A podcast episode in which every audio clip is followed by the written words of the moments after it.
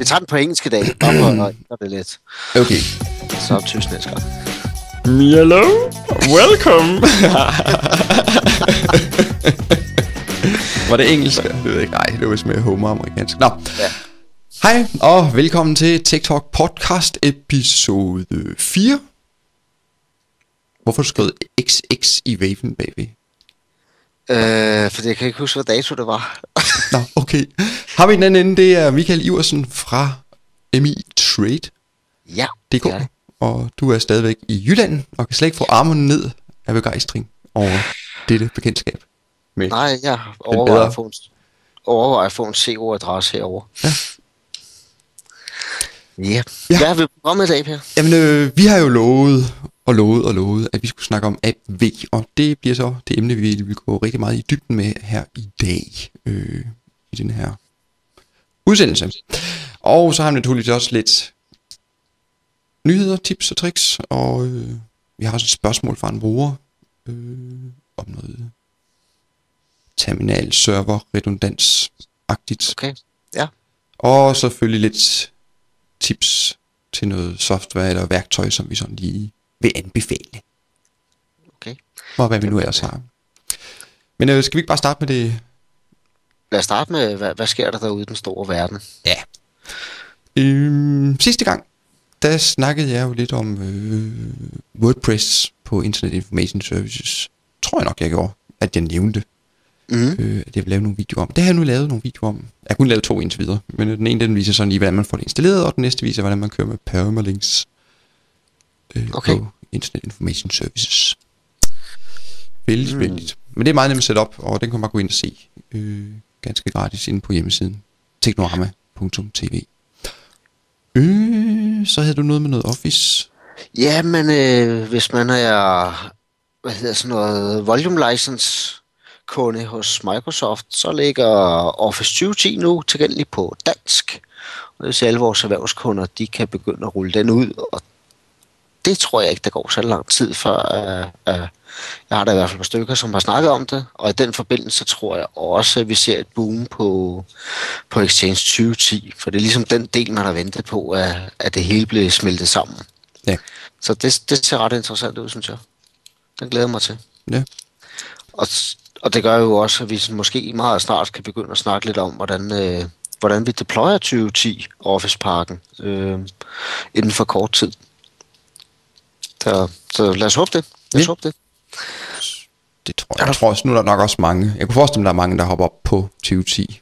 Øh, der er nok ikke så mange, der hopper på 2007, men øh, Nej, det tror jeg heller ikke. Men der er mange ting, der ligesom hænger sammen. Ikke? Der er også øh, et link over til, til SharePoint 2010 og sådan noget. ja. Så, så hvis man skal have fuld udnyttelse af det hele, jamen så skal man faktisk opgradere temmelig meget af sin infrastruktur. Men, men, men altså, Office'en, det er ligesom det, brugerne ser, og det er der, de vinder noget. Hvor øh, at, at det andet, det er der, hvor vi andre vinder lidt. Sådan rent administrationsmæssigt og performancemæssigt. Ja, det performer om alt andet. Alt andet lige, så performer det meget bedre, øh, 2010'eren. Ja, Øh, også på ældre hardware. okay, jeg har ikke øh, brugt så meget tid på den. Nej, det, det gør den. Men øh, det kunne da være, at, at, at det burde være noget, vi tager op øh, inden for kort tid. Vi har da slet ikke snakket om Exchange, har vi? Nej, det, nej, det har vi ikke. Exchange 2010. Den skal der lige på listen. Den skriver vi på listen. Den er skrevet. Sådan. Hvad er der sket mere? Øh, ikke så meget andet, end hvis man stadigvæk kører med Windows 2000. på sine arbejdsstationer. Eller med XP SP2. Øh, og endnu ikke har opgraderet til SP3, så får man problemer per 1. juli eller deromkring. Fordi at der slutter support øh, til de to operativsystemer. Øh, XP kan man så forlænge med Service Pack 3. Øh, det har de fleste vel også installeret. Hvor lang tid lever os øh, XP indtaget mere? Jamen, altså det er jo fem år, de siger. Så fem år fra SP3 kom ud vel, går jeg ud fra. Det må da også være henover snart. Ja, det er nok ikke så lang tid til. Og så kan man jo vælge at tage Vista. Ja. Eller gå direkte på Windows 7. Ja, men Vista, den slutter jo også. Vista SP1, den er, snart, den er også snart død. Ja. Altså, Vista, det er jo samme som Windows ME. bare noget, vi skal glemme og komme videre. Ja. Så, Okay. Men de har brugt vildt mange. Jeg så det sådan en eller anden statistik fra Microsoft om, hvor mange timer de havde spildt på Vista. Altså fordi de skulle have hellere have inno- innoveret nogle nye produkter, så i stedet for så har de bare brugt tid på Vista, Vista, Vista. Ja, Sådan kan det gå. så, sådan kan det gå. Man skal Ja. ja. læse en fejl. Ja. Men øh, Ja. Og det synes jeg også, de har gjort. Jeg synes, Windows 7, den øh, både performer godt og, og er blevet noget mere brugervenlig. Men der er begyndt at det dukke, en, øh, dukke en, en, en bug op i Windows 7, som jeg i hvert fald har øh, selv har oplevet, og jeg har også læst andre, der har oplevet det. Øh, nu ved jeg, kender du Paul Farad? Ja, Ja. Øh, med at kopiere og sætte ind, altså Ctrl-C, Ctrl-V, hvor, det Okay. nogle, hvor det nogle gange sådan ikke virker. Øh, nå, altså, hvornår det sådan ligesom er sket, eller opstod den fejl, det ved, det ved jeg ikke. Men jeg har også selv Nej, nej. oplevet den. Jeg, jeg hørte bare, øh, jeg tror jeg læste inde på hans hjemmeside, at han havde oplevet, at der var problemer med det. Så okay. det havde han så rapporteret til Microsoft, så de ville sende en mand hen, og så kigge ham over skulderen, mens han sad ved computeren og finde ud af, fanden var galt. Altså, jeg har prøvet nogle eksempler, hvor jeg har skulle slette øh, sådan 10 millioner filer eller sådan noget. og inden, øh, inden Windows er færdig med at ligesom tælle filerne op, så er der gået 20 minutter. Og så kan man starte en kommandoboks og sige, øh, delete stjerne, punktum stjerne, så tager det hele 4 sekunder. Mm. Så der er stadigvæk nogle steder, hvor øh, at tingene kan halte lidt. Ja. Men, men, øh, men sådan er det.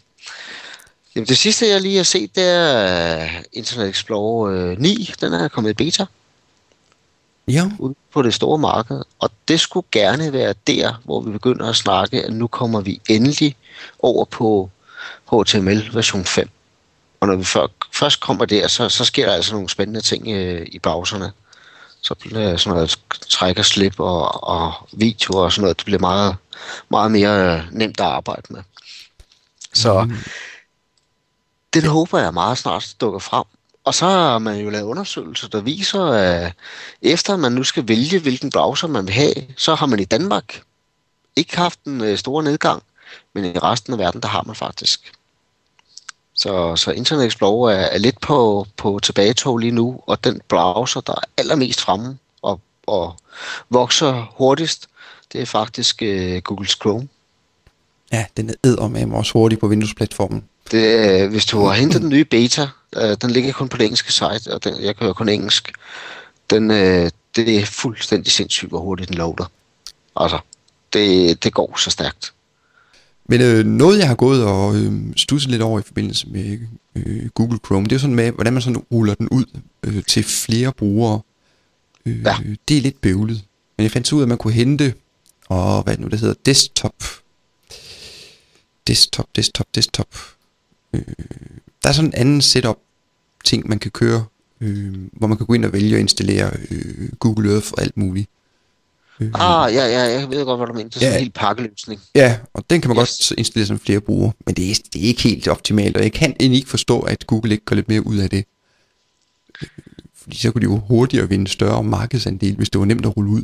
Øh, Ja, men jeg tror ikke, øh, jeg tror sgu ikke lige det der, deres fokus ligger. nej, nej, det tror jeg heller ikke. Men øh, det kunne bare være rart, fordi det er Ja. en meget øh, bedre browser, øh, browser øh, Men, men, sikkerhedsmæssigt men, også. men, men det fede er jo, at nu skal vi jo snakke AV lidt senere, så kan vi jo lige fortælle, hvordan man kan rulle den her ud. Ja. Meget, meget nemt.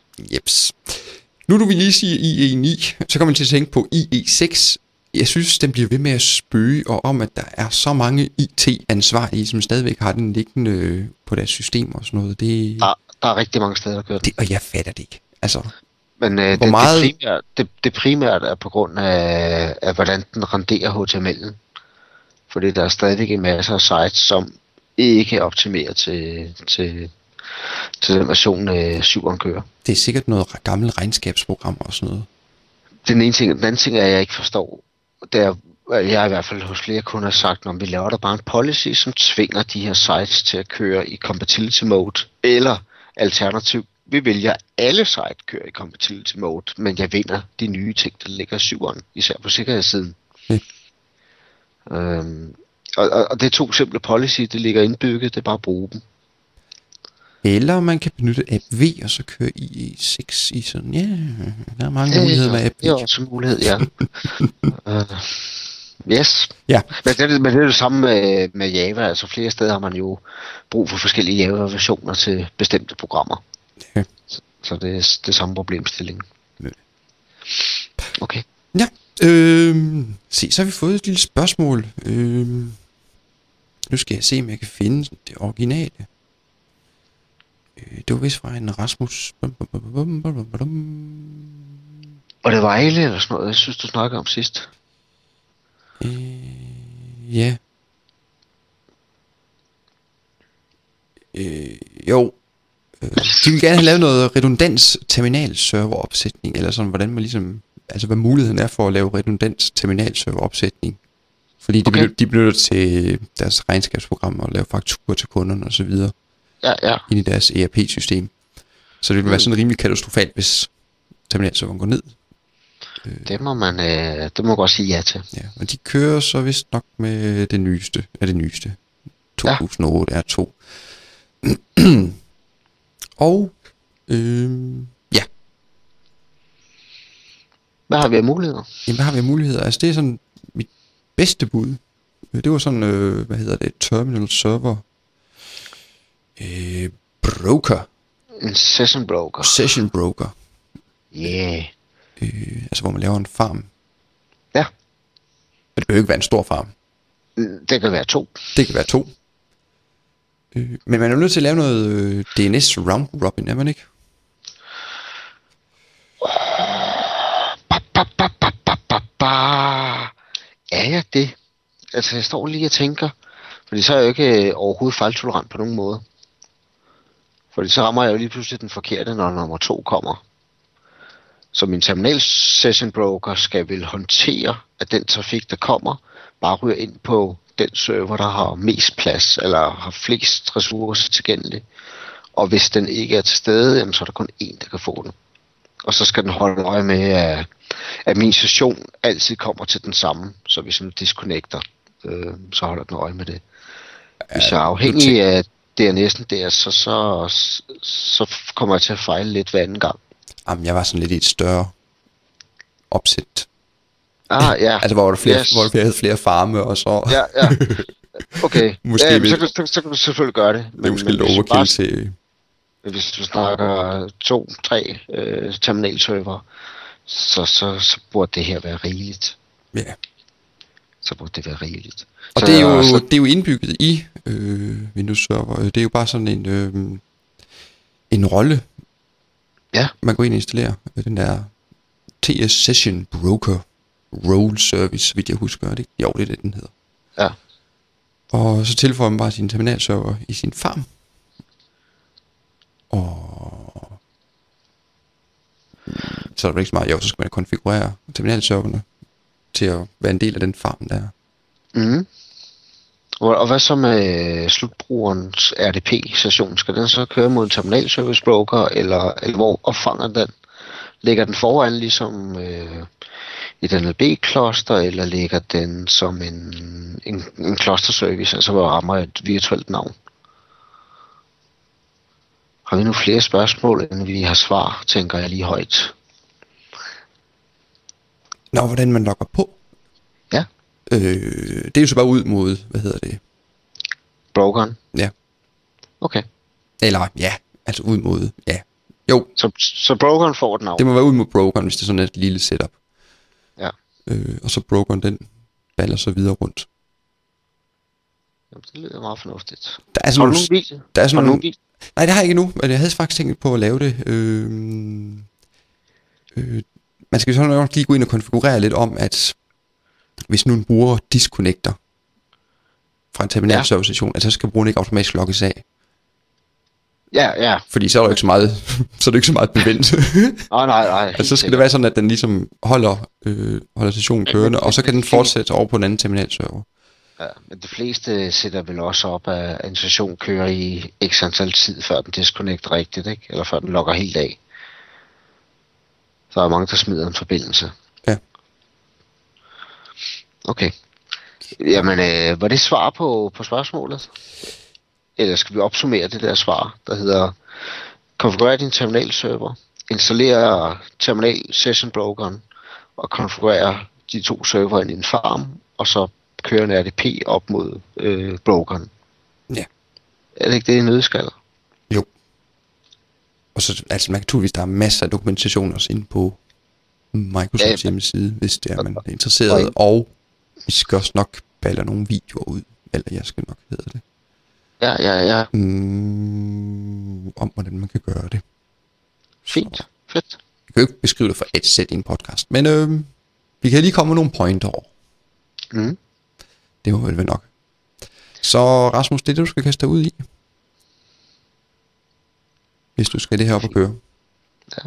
Og så skal også siges, øh, nu når vi alligevel er her ved, øh, ved brugerne, der stiller spørgsmål, er I velkommen til at stille spørgsmål ind. Øh, alle de links, øh, vi har liggende på, på websitet, der, der er I velkommen til at henvende os øh, til os med spørgsmål. Som nummer et. Og den anden ting, som vi gerne vil bede jer om, det er, hvis I abonnerer på det her i, i iTunes, jamen så gå ind i iTunes, og så øh, giv os et review. Øhm, så har vi en idé om, hvad er det godt, eller dårligt, er det noget, vi skal gøre bedre, øh, er det noget, vi skal gå dybere i, øh, som nummer et. Og nummer to, vi kommer selvfølgelig højere op i, i iTunes, og derfor bliver vi opdaget mere. Så, så det er dagens bøn. Hvis I har mulighed for det, så, så vil det være super godt.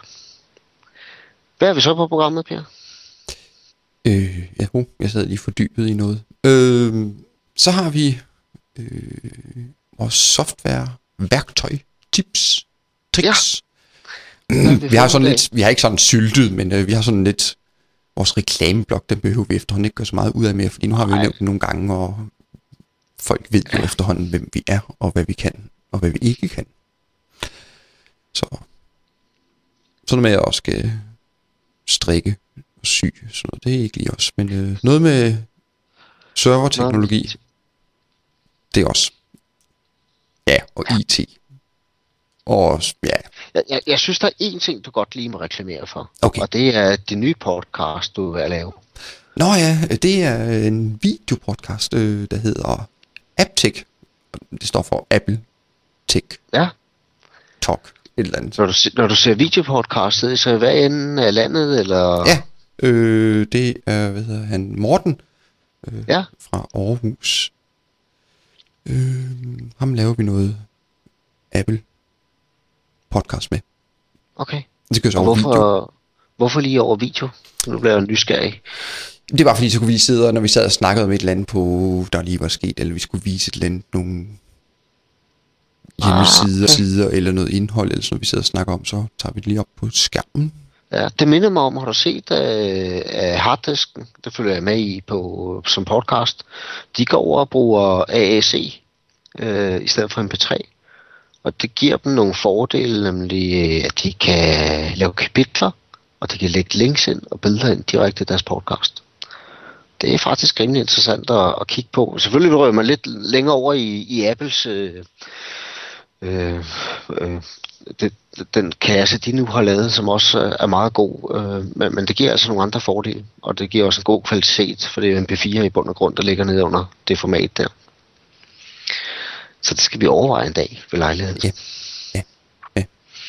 Men ugen software? også, ja, øh, ugen software, du har noget, Nej, det, noget- nej, det nåede jeg aldrig at kigge på. nå, jeg har noget, en lille ting, En lille, ting. En lille sød ting. En lille søg ting. Øh, det er øh, Fixit, Okay, hvad er det? det er Microsoft, øh, de har lavet sådan en side, der hedder Fixit. Okay, Den hedder vist ikke bare Fixit. Den har sådan en lidt længere titel. Men øh, herinde, der kan... Ej, nu skal jeg lige have min anden browser op her. Øhm, det er fixcenter.support.microsoft.com og alt muligt andet. Og øhm, herinde, øh, der kan man få hjælp til problemer, man har med for eksempel Windows 7. okay, Og det smarte ved Fixit, øh, det er, at øh, man går ind, klikker på det problem, man har, og så kan man så finde et eller andet fix til det, klik på det, og så bliver det sådan ligesom implementeret på ens computer. Øh, og typisk så er det jo øh, små ændringer i registreringsdatabasen osv., der bare skal til for at fikse et eller andet problem. Øh, ah, nice. så det er en ret godt øh, værktøj. Ikke lige til systemadministrator, men det er et rigtig godt værktøj at sende brugerne hen til. Øh, og sige, kan du ikke lige prøve lige at gå herind først lige at tjekke, om det, det du her, du oplever på din computer. Mm. Og så hvis du finder det problem, du lige har, så kan du jo bare lige klikke på det her fixet, og så er det fixet. Ja, ja. Øh, så det er lidt vældigt. Nu, så vidt jeg husker, så er der... Bum, bum, bum, bum. Der er fix til Windows 7. Og så er der fix til Office også, så vidt jeg husker. Ja, Øh, Der er Internet Explorer, Internet Office, Explorer, ja. Mail, og der er også til Windows XP, Search Mark 3, Ja, også Vista. Printerproblemer, lydproblemer, øh, Ja. så, så problemer med hastighed og sådan noget. Så umiddelbart virker det som en, en rigtig god løsning til, til slutbrugere. Jeps. Og de her, det er jo ikke nogen, de ruller ud via Windows Update, de her fix. Nej, Det er, fordi det er, det er specifikke brugere, der har de problemer, måske fordi en speciel kombination af noget hardware og noget software, de har kørende, eller øh, der gør, at man har de problemer. så derfor så er det ikke nogen, de sådan smider ud til alle i hele verden via Windows Update. mm. Fordi det sådan er rimelig brugerspecifikke problemer. Så, jeps, det kan man jo poste videre til sine kunder. Ja, vi lægger et link ud til siden, så, Ja. så, så kan vi prøve at kigge på det selv. Så er det lykkedes os at finde Ja. linket til Ticket. Uha. Øhm, og hvis man er booker relativt hurtigt, så sparer man lige øh, 500 euro. Det er jo altså også en slags penge, vil jeg nok sige. I, øh, Ticket ligger i Berlin i år. Jeg var dernede sidste år. Øh, udmærket sted at holde konference. Øh, også ganske udmærket øl i den by der. Så der, det er der ikke noget galt i. Men vi har lagt linket ind. Faktisk øh, har linket været det samme som altid. De har bare fået rettet websitet. det forklarer, hvorfor vi ikke kunne finde det. Okay. Ja. Øh, så, ja, så man kommer ned på, at det koster, øh, jeg tror det var en 1300, 1400 euro eller sådan noget. Ja. Så det er jo en chat. Det er en chat. Men det kører en hel uge. Det kører en uge. Altså, jeg var heldig sidste år. Jeg brugte øh, supersaver.dk, et website, jeg ikke har brugt før. Øhm, og der fik jeg et, et, et godt hotel og et fly for, for 29,99 for en uge. Så, mm. så, så det var ikke super dyrt. Nej. Ja, ja. Har du solgt flyet igen så? ja. Uh, Åh, det bliver godt. ja, det var lidt. Det Men, øh, var, der har vi ugens øh, slogan. Har du Ja. ja. igen? Sådan. sådan. Har du solgt flyet igen? Bum. Nå, V, app V, app V. Endelig. Nu må vi hellere fortælle. Nu må vi hellere fortælle, hvad, hvad, hvad det her indtaget går ud på. Jeg har, jeg har rodet med AB siden øh, det hed Softricity. Jeg er faktisk certificeret i Softricity. det var Okay, jeg kunne arbejde med siden det hed SoftGrid firmaet. Ja. Eller da programmet hed SoftGrid. Ja. Eller hvad? Ja, det var fint. det er fint. Øhm, og i bund og grund så går det her ud på fuldstændig som når vi er virtuel server, enten med VMware eller Hyper-V, så går vi et niveau op, og så øh, visualiserer vi øh, applikationerne. Og, og det her det er det samme. Der er nogle server, som er egnet til at visualisere, og der er også nogle øh, server, der ikke er egnet. Og det samme sker med applikationer. Der er nogle applikationer, der er meget egnet, og så er der nogle, der overhovedet ikke er egnet. Øhm, og nogle af de ting, jeg ikke kan visualisere, det er for eksempel, hvis jeg bruger en, øh, en dongle, altså noget hardware, øhm, så kan jeg altså ikke få det ind. Eller hvis det er noget, der bruger øh, starter op under boot, jamen så kan jeg heller ikke øh, tage og bare lave en pakke øh, og rulle ud. Men, men, men det, der er interessant ved at, at have et, et virtuelt miljø øh, på sin applikationsside, det er, at, at registreringsdatabasen, den bliver virtuel. Øh, den bliver kun læsbar, man kan ikke skrive i den. Øh, og den anden ting, det er ens filsystem. Det bliver også øh, kun læsbart, men man kan ikke skrive i det. Og når, når pakken forsøger at skrive, så skriver den faktisk bare ned i en virtuel registreringsdatabase og et virtuelt filsystem. Ja. Det giver mig de fordele, at jeg lige pludselig kan have øh, to applikationer, der kører lige ved siden af hinanden. For eksempel kan jeg have en Office øh, 2000 og en Office 2003 kørende ved siden af hinanden, uden at de konflikter, uden de kan se hinanden. Og det er ret godt, når man øh, skal teste, øh, eller hvis man skal rulle nye ting ud, så, så, så virker det super godt. Og der er også, øh, jeg har haft et par kunder, som øh, kører AutoCAD, øh, hvor de har brug for at køre i flere versioner. Fordi der er forskel på, hvordan øh, formatet de gemmer i. Og det, det kan de altså gøre med, med, med AB.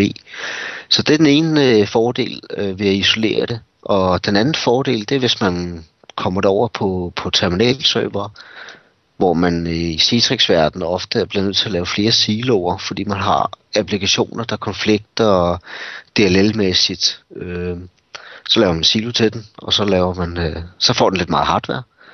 Men ved AB, der kan DLL'erne ikke se hinanden, og derfor kan de køre lige ved siden af hinanden uden øh, problemer, og det betyder, at man får en fuld udnyttelse af sin hardware. Øhm, og så skal man tænke på, at, at, at en applikation har en, øh, en levetid. En applikation har en levetid, der hedder, øh, jeg skal deploye den. Det, er sådan, det kan jeg bruge alle mulige metoder på. Øh, AB har også en, der fortæller om senere. Så er der noget øh, vedligeholdelse af den. Det kan være, at den skal patches, det kan være, at den skal opgraderes. Så skal den øh, rulles af, og så er den ligesom død. Øh, men inden jeg kan deploye den, der skal jeg ofte ompakke den, fordi applikationer i dag kommer desværre i, i, i alle mulige formater. Og det der med at pakke den om, og det der med at opdatere den, det er faktisk det, der er dyrt. Det er det, det dyreste, man har, når man øh, snakker software deployment. At rulle den ud til nogen, det er ikke særlig dyrt. Men at pakke den og, og opgradere den, det er meget dyrt. Øh, og, og, og, og ved at, at bruge AB, så bruger man anden metodik, når man, øh, når man pakker. Man har nemlig et program, der hedder en sequencer. Og der går man ind, og så øh, har man en tom maskine i, på Hyper-V, på VMware, øh, et eller andet virtuel maskine, som man hurtigt kan rulle tilbage. Og standardprogrammer i dag, jamen de vil så lave et snapshot, så vil man installere produktet, så vil man lave snapshot igen, og så vil man have ændringerne. Øh, AV gør det lidt anderledes. Den laver også en snapshot først. Men når du har gjort det, så kan du så sidde og konfigurere. Du kan starte det op, du kan genstarte din maskine, du kan lave alt muligt og sige, det er sådan her, vores skal se ud. Den her applikation skal gøre sådan her. Så for eksempel, hvis det var Adobe, jamen så kan man gå ind i indstillingen og sige, jamen du skal ikke ud og tjekke på internettet for updates. Øh, du skal slå en masse ting fra, fordi Adobe starter en hel masse. Når man så har gjort det, så laver man et øh, after snapshot. Og det, der er smart her nu, det er, at, at det, man har valgt, det er ligesom det, der kommer med i, i, i den, den første del af pakken. Hvis man går dele den op i to dele, så har man øh, første del, der hedder Feature Block 1, og så har man anden del, som er resten af pakken. Og Feature Block 1 er lige præcis det, der skal til for at starte en pakke. Det vil sige, så meget exit-filen skal have, så så meget af de her DLL'er skal jeg bruge, resten det har jeg ikke brug for. Så at starte en, øh, en Office-pakke, som normalt skal ud over et netværk, det vil måske... Øh, der skal måske rulle 100 megabyte ud, før jeg reelt har en Office-pakke. Jamen ved, ved app V, så skal jeg måske bruge øh, 8 megabyte, 10 megabyte. Øh, når man så har lavet pakken, så skal den øh, distribueres ud, og det kan da gøres på, på flere måder. Øh, AB har sin egen motor, som er en streaming-motor, og hvor jeg kun ruller alt, hvad der hedder feature block 1 ud. Øh, og det, der sker, det er, at hver af maskinerne, øh, klientcomputerne, de har en, øh, en lille øh, agent liggende, øh, som bare ligger og holder øje med, at det her er sådan en OSD-pakke, fordi så kender jeg den, og så ved jeg, at jeg skal streame den. Øh, og når jeg så klikker på et ikon på skrivebordet, som er en AV-ikon, jamen så går den op på serveren og siger, giv mig feature block 1. Det kasser den lokalt på maskinen, så næste gang jeg klikker på det, så går det fra min lokalkasse, øh, som ligger krypteret på maskinen. Og hvis jeg har brug for mere i pakken, hvis jeg har brug for at trykke F1 for hjælp, jamen så hopper den op, og så henter den kun det, der skal bruges til F1. Det betyder, at de steder, jeg har implementeret AB, der kan jeg se, at en Office-pakke bruger man gennemsnitligt 18-20% af. Resten bliver aldrig nogensinde rullet ud over netværket. det er sådan relativt smart. Og så kan man jo så tænke, jamen, øh, det er måske ikke skide smart, hvis jeg har laptops, som går ind og ud af min virksomhed.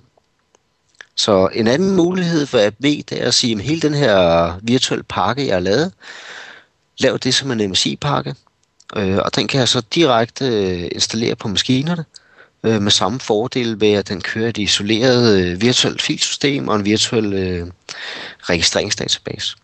Og på den måde kan jeg garantere, at, at applikationen også virker, selvom jeg ikke har adgang til mit netværk. Øh, det er den to af de gode ting, der er. Øh, en anden ting, jeg kan gøre, det er, at jeg kan lave licensstyring på det. Så hvis jeg har en applikation, hvor der er maks øh, 50, der må bruge den, for det er, hvad jeg købt licens til, så når nummer 51 kommer op og siger, nu vil jeg gerne starte applikationen, så siger den, sorry, det kan du ikke, du må vente til den anden, der disconnecter. Og på den måde kan man lige pludselig få styr over, øh, over de licenser, man, øh, man re- reelt har i, i virksomheden. Men, der er selvfølgelig altid et men. Øh, det her, det koster noget. Øh, og det, det koster, det er faktisk dyrt. Det, det er 10, øh, 10 dollar per klient. Øh, men man skal have en MDOP-aftale med, med Microsoft, altså en øh, desktop øh, assurance-aftale. Så man skal op i en vis størrelse, for øh, at de, de fleste har det her. Men hvis man har det, så ligger AV ligger indbygget i Windows 7.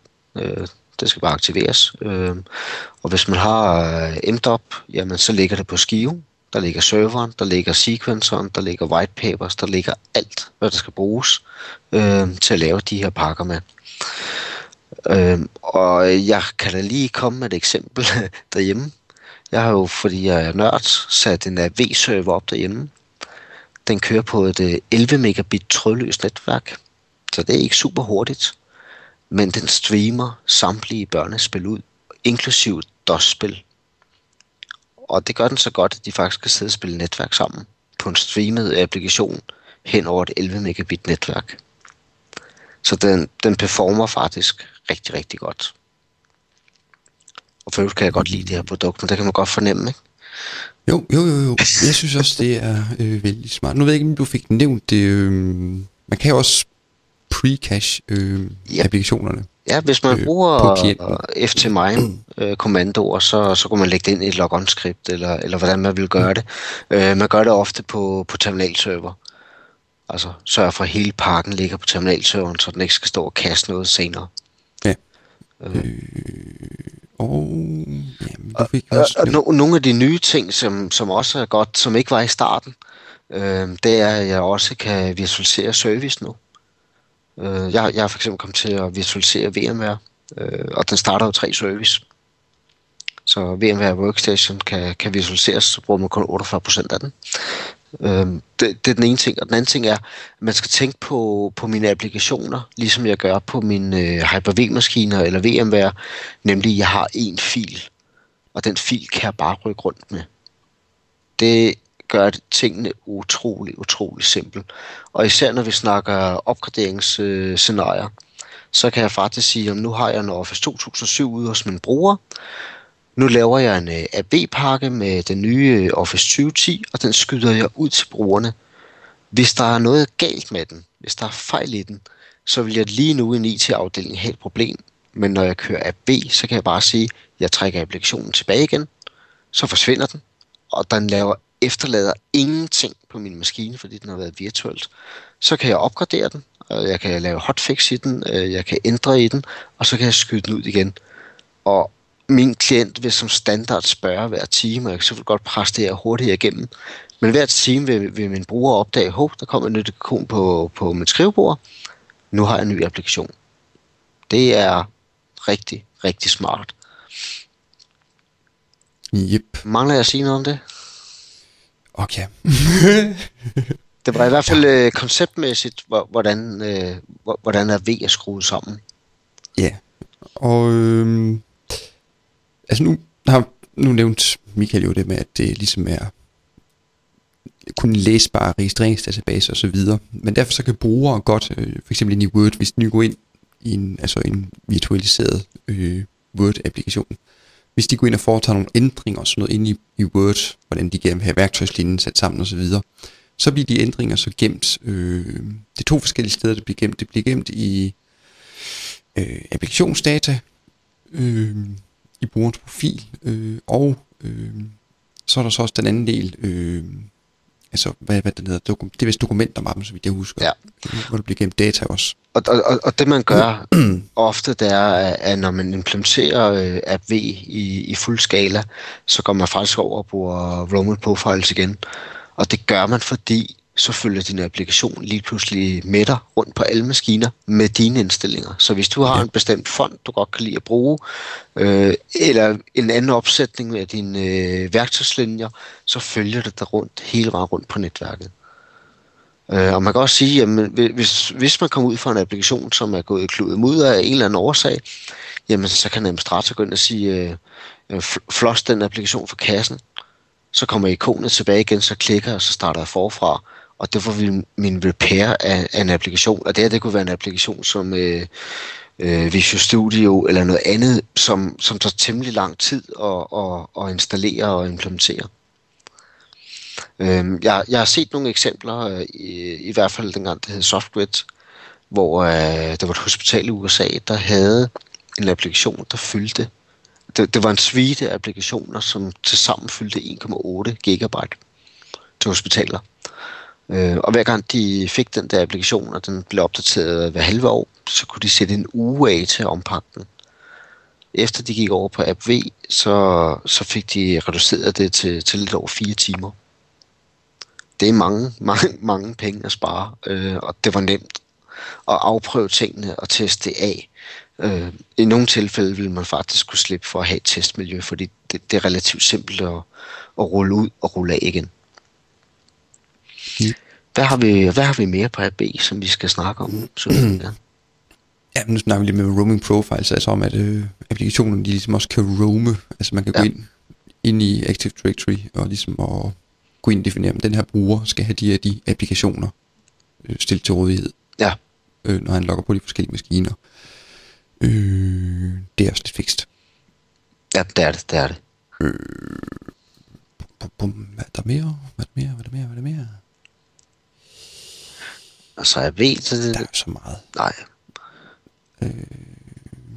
det er virkelig, altså det, det er jo lidt det samme som når man smider image ud, han har sagt, altså når man skal udrulle klientcomputer og sådan noget. Altså det kan man også gøre meget øh, øh, nemt efterhånden, ja, jamen, det kan man. og centraliseret. Og det, det er så ligesom også det, man opnår med, med applikationerne. Ja. Øh, altså i stedet for, at man skal til ud og lave et øh, eller andet øh, tykt image fyldt med programmer og alt muligt, og der skal være alle mulige små ekstra programmer, og de skal kunne arbejde sammen, og uha, og det, det, det, hele skal virke, og man skal teste det hele igennem øh, hver enkelt applikation på den her maskine, inden man kan få rullet det her image ud.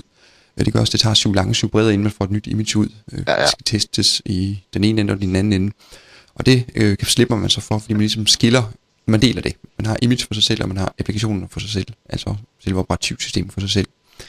Så øh, det gør det meget, meget, meget nemmere at administrere. Og det, bliver også, det er også nemt for dem, der så skal overtage det efterfølgende, efter det måske blev sat op øh, udefra. Ja. Af udefrakommende. Helt For sikkert. eksempel Michael eller jeg. når, når vi har sat det op, så er det nemt efterfølgende at administrere og selv rulle øh, nye applikationer ud.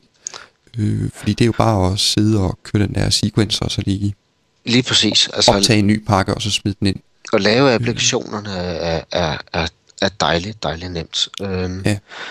Man har, jeg har i hvert fald set øh, nogle forsøg fra Microsoft om, hvordan øh, at jeg automatisk kunne bestille en applikation, og så også blive øh, faktureret til min afdeling, alt efter men jeg har ikke set det i, i endelige løsninger endnu øh, herhjemme.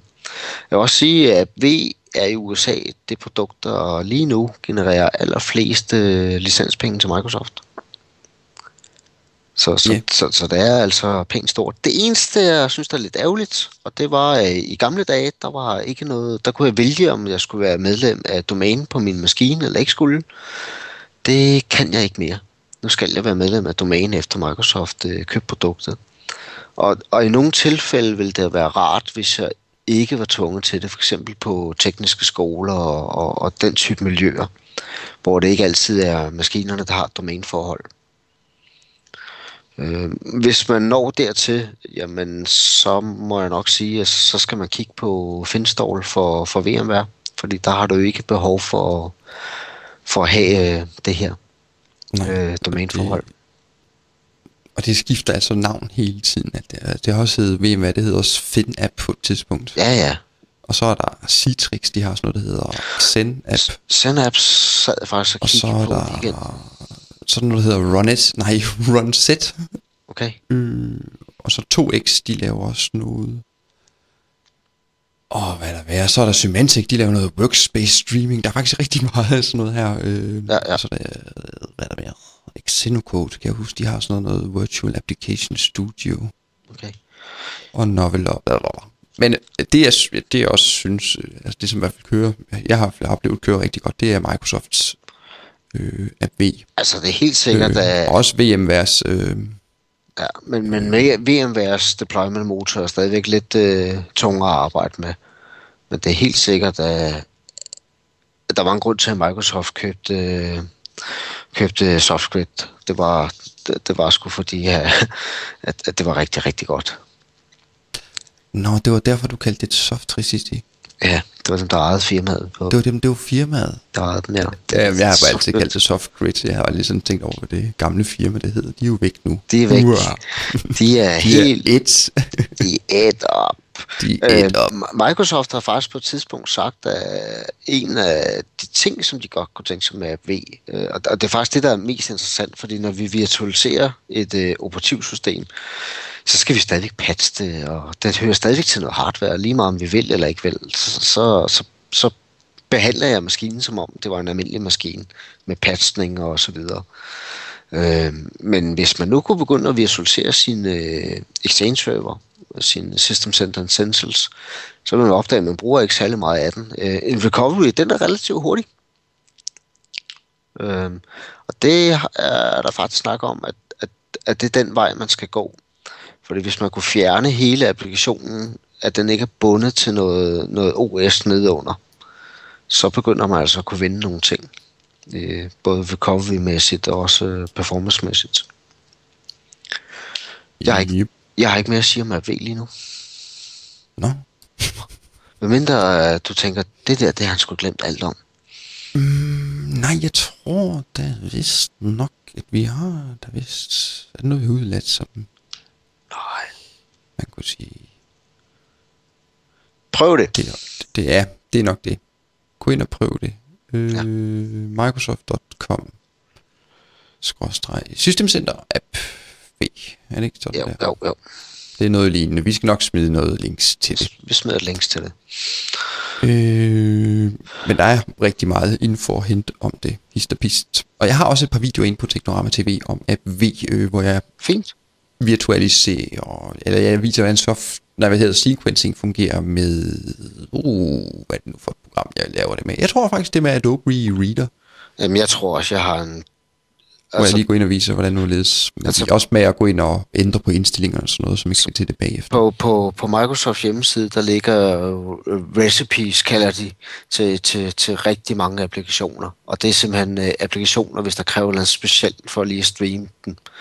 Øhm, så, så, så, så de er simpelthen lavet, du skal gøre sådan her, du skal klikke her, du skal gøre sådan her, du skal gøre sådan her. Og øh, jeg tror, at de fleste af de applikationer, jeg selv har lavet, dem har jeg også filmet. Ja. Øhm, så jeg har nok også 20-30 stykker liggende. Øh, Øh, der var en lille ting, vi skal være med. Altså for eksempel med Office, øh, den kan man fint virtualisere. Øh, men plugins for eksempel til, til Office, det er ikke lige så heldigt at begynde at virtualisere dem. Altså der er nogle ting, de, de er ikke lige så egnet til at blive virtualiseret det er rigtigt. øh, som andre ting. Men, men, det, men, men det er jo at teste. Ja, men jeg har da virtualiseret Flash Ja, til browseren, til Internet Explorer. ja. Jamen, det, det er en af de ting, der, der er rigtig fede, det er, at man kan, man kan virtualisere en, en version af Internet Explorer sammen med Java version 1, og så en anden version med Java version 2, øh, uden nogen problemer. Og så, så, så er man lige pludselig ude over de der problemer med, øh, om jeg har et bankprogram, som kræver den her Java, og så har jeg noget andet, der kræver en anden type Java. Det kan man altså løse sådan her. Og vi har, vi har vel, jo, vi har også fået forklaret godt nok det der med, at man kan lave sådan helt standalone pakker, som kører sådan Ja. Altså, som ikke, som ikke kræver streaming. Hvis du laver en MSI-pakke, så kan du skyde det ud med, hvad du skyder ud med i dag. Om det er System Center, eller Distribute, eller et logon script, eller en, en group policy. Uden problemer. Ja, ja. Og du kan også smide den på en CD, sådan en pakke, og så give til en bruger. Ja, og, og jeg, jeg har faktisk været et sted, hvor uh, at der lavede man det her. Altså, hvor vi, vi jeg tror, vi lavede en DVD med, med alle pakker i til en skole. Øhm, og den DVD havde en levetid, fordi pakkerne havde en levetid, som hed øh, et semester. Og efter semester kunne de bare smide CD'en ud, for den virkede ikke mere. Jeps. Det kan man gå ind og definere, hvor lang tid Lige præcis. de skal køre, før man skal, de skal kontakte streaming-serveren igen. Ja. Øh, Jeg tror som standard er det vist 90 dage. 90 dage er standard, men det, det kan man gå ind og skrue jo. på. Ikke? Ja. Øh, også den der, den der klient, som ligesom ligger på maskinerne, den kan man sagtens gå ind og skjule sådan fuldstændig, så brugeren slet ikke sådan opdager, at det, nu kører jeg en virtuel Ja. applikation. Ja. Fordi som standard, så står der sådan nede i hjørnet, øh, nede i taskbaren, at øh, nu er den i gang med at streame en applikation. Så kan det være, at brugeren tænker, hvad fanden er det? Men øh, det kan man bare slå fra. Ja. Det plejer jeg at gøre, fordi at det behøver brugeren ikke at vide. Mm. Yes. Det forvirrer bare. Gud, Ja. Men øh, ah, det var da vist mere eller mindre, hvad vi lige sådan kunne få ud af ærmet om app V øh, i I denne omgang. episode 4 af TikTok podcast. Øh, så tror jeg da vist, vi har været igennem vores lille øh, liste Ja, det tror jeg også. over ting, vi skulle igennem Ja. i vores kære væv. Det var vældigt, og som sædvanligt, så når vi op på de der par og 40 minutter eller sådan noget, tror jeg. 49, 50, øh, deromkring. det er sjovt, det lige rammer der hver gang. Mm. Jeps, men øh, så tror jeg bare, vi skal sige tak for nu, og vi ses til, eller i, på, ved, under, når vi kommer til episode 5 af TikTok podcast. Yep. Hej. Sådan. Så kører det. Så kører det. Kæft, det er god til det her. Ja, det synes jeg.